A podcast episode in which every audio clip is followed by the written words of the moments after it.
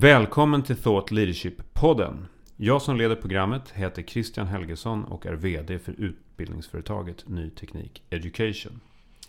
Syftet med podden är att lyfta fram och intervjua thought leaders, alltså kunskapsledare, som belyser olika kompetensområden med strategisk betydelse för våra moderna organisationer. Dels för att inspirera och dels för att bidra till fördjupad förmåga och kunskap. Vårt mål är att försöka bidra till thought leadership i din värld. Alltså oavsett om det handlar om utvecklingen av dig själv som professionell individ eller utvecklingen av ditt team eller din organisation. I det här avsnittet så ska vi för första gången genomföra podden på engelska eftersom vi har en engelskspråkig gäst. Jag byter därför nu till engelska. Our guest today is Alan Visser from uh, Lynk & Co. You're the CEO of Lynk & Co. Welcome, Alain. Thank you very much. Uh, the focus of this podcast today is the business model development of the automotive industry. What sustainability means for the car industry, electrification, what you learn from disrupting an industry, uh, which you have done, uh, and also how our citizens view the future of our cities, our, our cities in terms of transportation. So, welcome to this episode of the Thought Leadership Podcast, and welcome, Alain. Thank you very much, and sorry for having to do this in English. No problem. This is really interesting for us. Good. So let's let's start about you. Uh, talk about you. Tell us about yourself. Who are you professionally? yeah, so I'm indeed, as you said, the CEO of Lynk & Co. I started in the car industry actually 36 years ago mm-hmm. in a very junior job in Ford, Belgium. I'm originally from Antwerp, Belgium. Uh, worked for worked 36 years in the car industry, 17 years for Ford, nine years for General Motors, Opel four years for Volvo, and then started end of 2015 with this major project. Yeah, so it's been 36 years about cars. Yeah. okay, so you have worked seven seven years with Lynk & Co. now. Yeah, exactly. Yeah, we started. I started on, alone on the first of October 2015. Yeah. Yeah. Here in Sweden. Here in Sweden, in Göteborg. Yeah. okay. Yeah. Good. Uh, I mean, to start from the beginning, how how in what way has climate change and, and the concept of sustainability influence, influenced you uh, professionally? Uh, quite a lot, particularly in this project. And and uh, this may sound a bit religious, but when my sons, they're both they're 23, 27, very millennials. When they asked me about seven years ago, so Dad, what have you done your whole career? And and the the sobering answer was I sold cars, and mm. that didn't necessarily fill me with warmth. And I thought I need to do something uh, to, yeah, do do something that makes sense, that adds value. Uh, on top of that, I was also quite, um, I would say, frustrated, and I must say even a bit angry about the hypocrisy in this industry, saying suddenly all car brands are sustainable which is not true and and, mm. and I think it's a lie and, and it's good that the car industry is becoming electric but then let's be honest electric cars are arriving because uh, Tesla has shown us how to do electric cars if not we would still be making combustion engine cars hmm. and then if your business model consists of selling as many as possible cars that we know are used for only 5% of the time it's a shocking statistics. The average car stands still for 95% of the time. Hmm. If that is your business model, selling a product that stands still all the time, it can be as electric as you want to. It's not sustainable. So hmm. I, I that was for me one of the key drives of let's do something radically different. So, so the business was ready for a new business model. yeah, I think yeah. so, and yeah. I think so. And and look, am I saying so? We are now totally sustainable? No, mm. but I'm I'm my my objective strategically is to turn this industry in something that is definitely much more sustainable, and that's what we we try to do and have a bit of fun around it. It's uh, so yeah, it's it's it's been an interesting project. Yeah, I think I, I bet. but uh, you maybe have also answered this question, but but uh, to dig a little bit deeper, we now we now see, as you mentioned, a broad and, and rapid electrification of the transport industry in general, mm. and and in the automotive industry in particular. Yeah. Uh, so looking looking at the overall development. Uh, mm-hmm. What's your view of the development? Are we on the right path? I mean, are we combining the conditions stemming from sustainability uh, challenges on the one hand and the technical development on the other hand in the right way? Do you think? I, I think from a technologically point of view, you see things evolving in the right way. Electrification is the right thing. It just came 20 years too late. Mhm. It could have come earlier, but because of the old fashioned mindset of the car industry, we just continued to do what we were doing because it was making money. And if things work, why change? Mm. So this industry has continued to do the same thing, which is designing cars, engineering cars, building cars, shipping them to dealers, and selling and repairing them. That same business model has been in place for decades, Mm. which is shocking that in the same time the world is evolving at a speed that I've never seen before. It's it's intriguing, it's fascinating.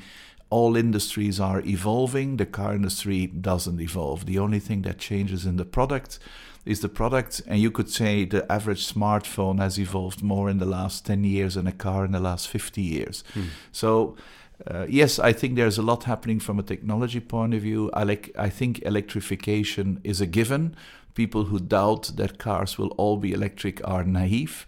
Uh, it's, it's just going to happen. But I think that's not enough. Uh, just selling more cars that are more sustainable is not the solution.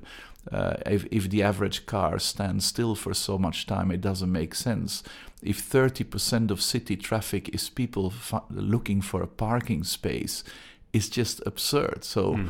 there needs to be a, a, a solution that goes beyond making and making better cars and selling more cars. Um, so we need to find more efficient mobility, and that's what I think is is is lacking still.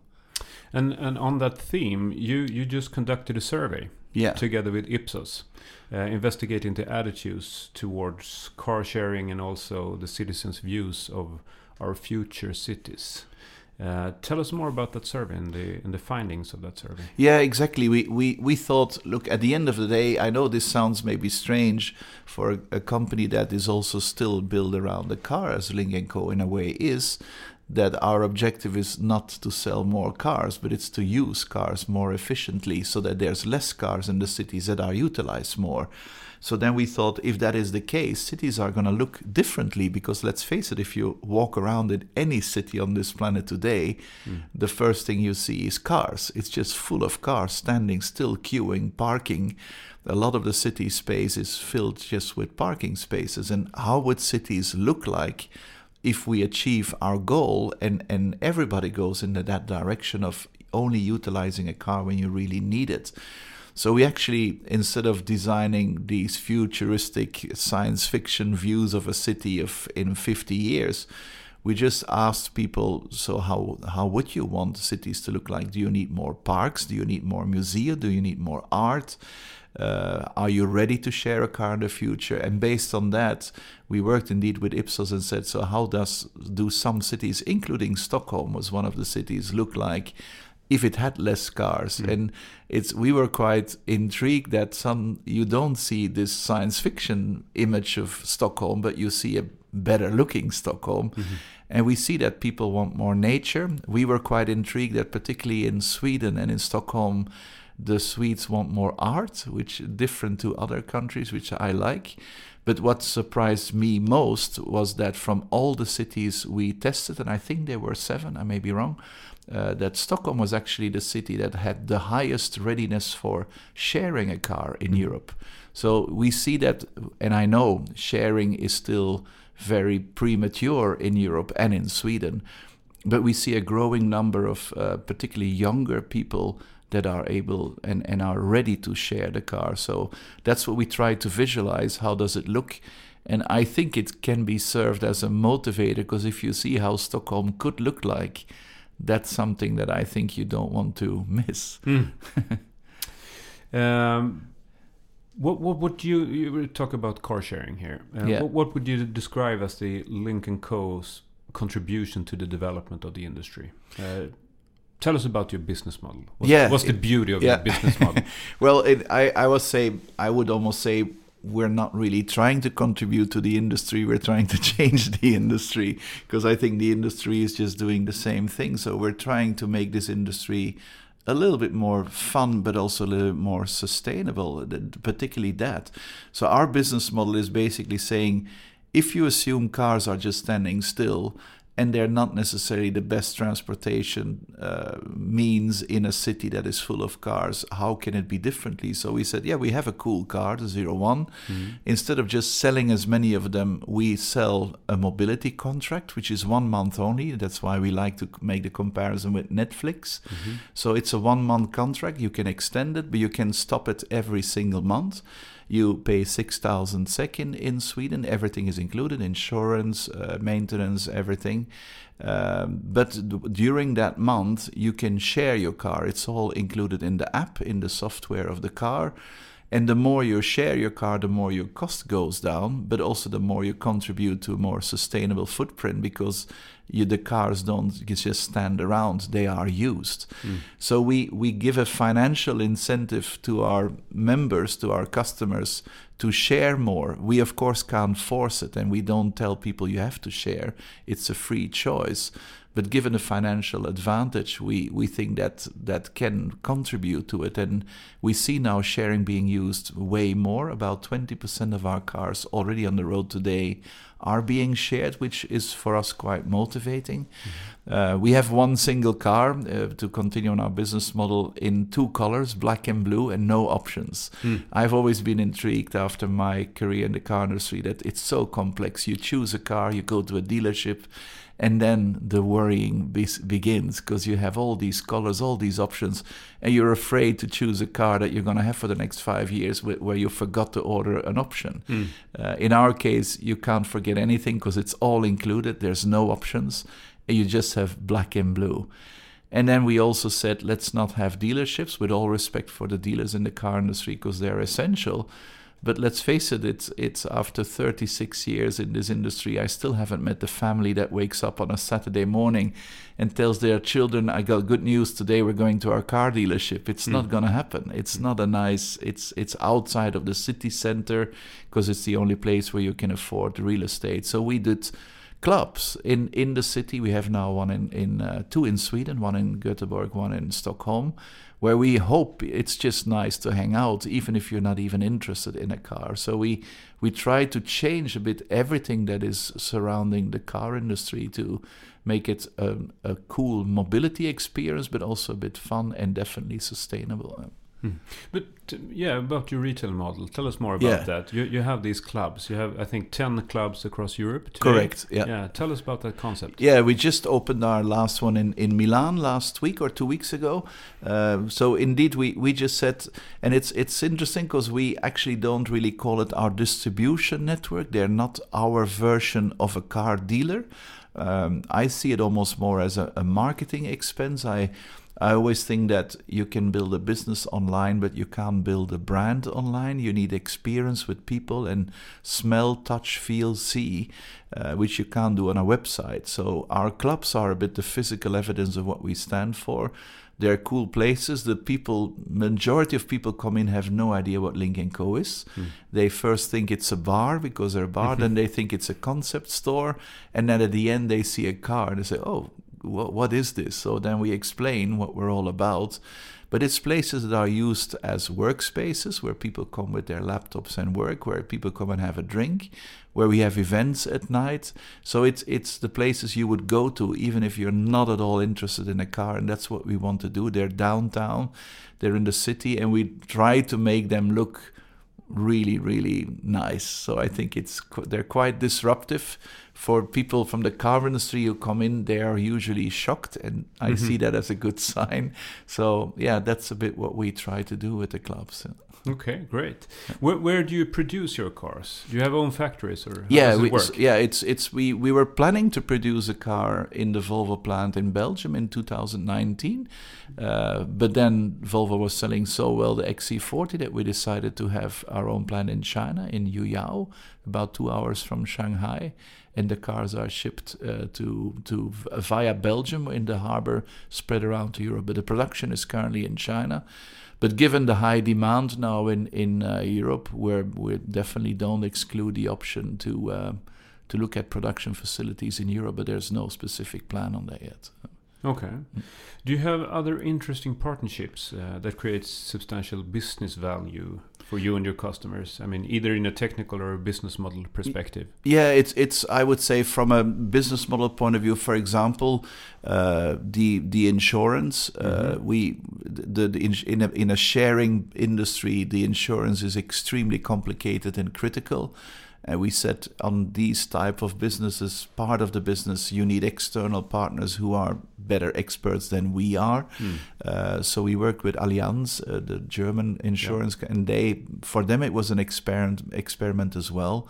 Uh, they have worked with us for about four years to find out a model where not just the car is insured, but also the owner, but also the one, the user, the borrower. So it's we've worked with them. We also work on a very low scale, for example, in our clubs, our clubs where we sell gear, or mm. and that can be fashion, that can be uh, house products, lamps, and but all with a sustainable story.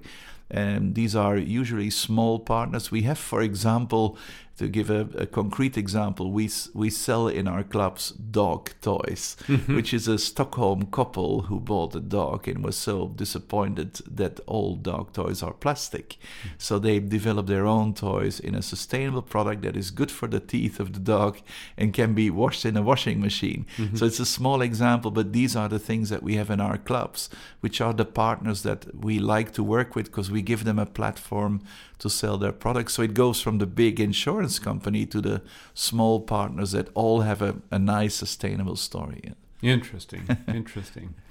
Um, looking back at the industry today, uh, the automotive industry faces severe difficulties right now uh, yeah. concerning problems with components, lack of components, uh, problems in supply chain, etc. For as an example, I'm actually myself in the process of, of buying a new car. Uh, and I got the message last week that I will have to wait for 16 months before I can get a new car, and that's not so inspiring. No. Um, how do you how do you view these challenges, and and how do you think the automotive industry can can can or should address or solve these problems?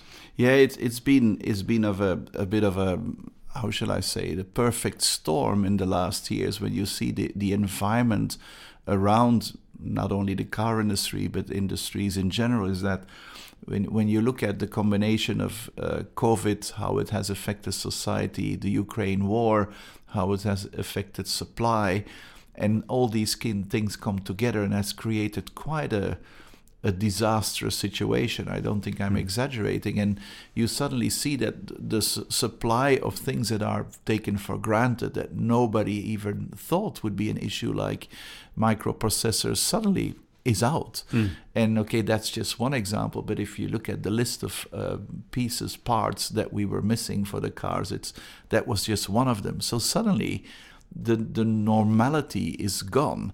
Uh, first, it was demand because of COVID, but then it was supply because of the uh, the overall supply situation.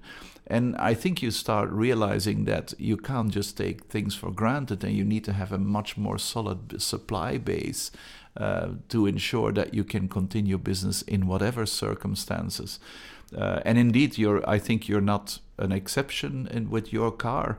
We are happy that after having suffered from that as well, uh, our supply situation has now improved quite considerably. We can deliver a car in Europe within two, maximum three months. So we we're we're very lucky uh, because we're part of a big group and we now get total prioritization because the Lynk & Co concept hmm. is working so well in Europe. But yeah, it's the car industry. Um, is facing and has faced quite difficult challenges in the last years, and I think it's it's the strange thing is that nobody knows when it will be resolved mm. because you are indeed dependent on external factors. Mm. Okay. Um, in a way, you, Lynk & Co, are, are disrupting the traditional business model of the auto, uh, automotive industry. And, and you're challenging the traditional ways of working, so to speak. Mm.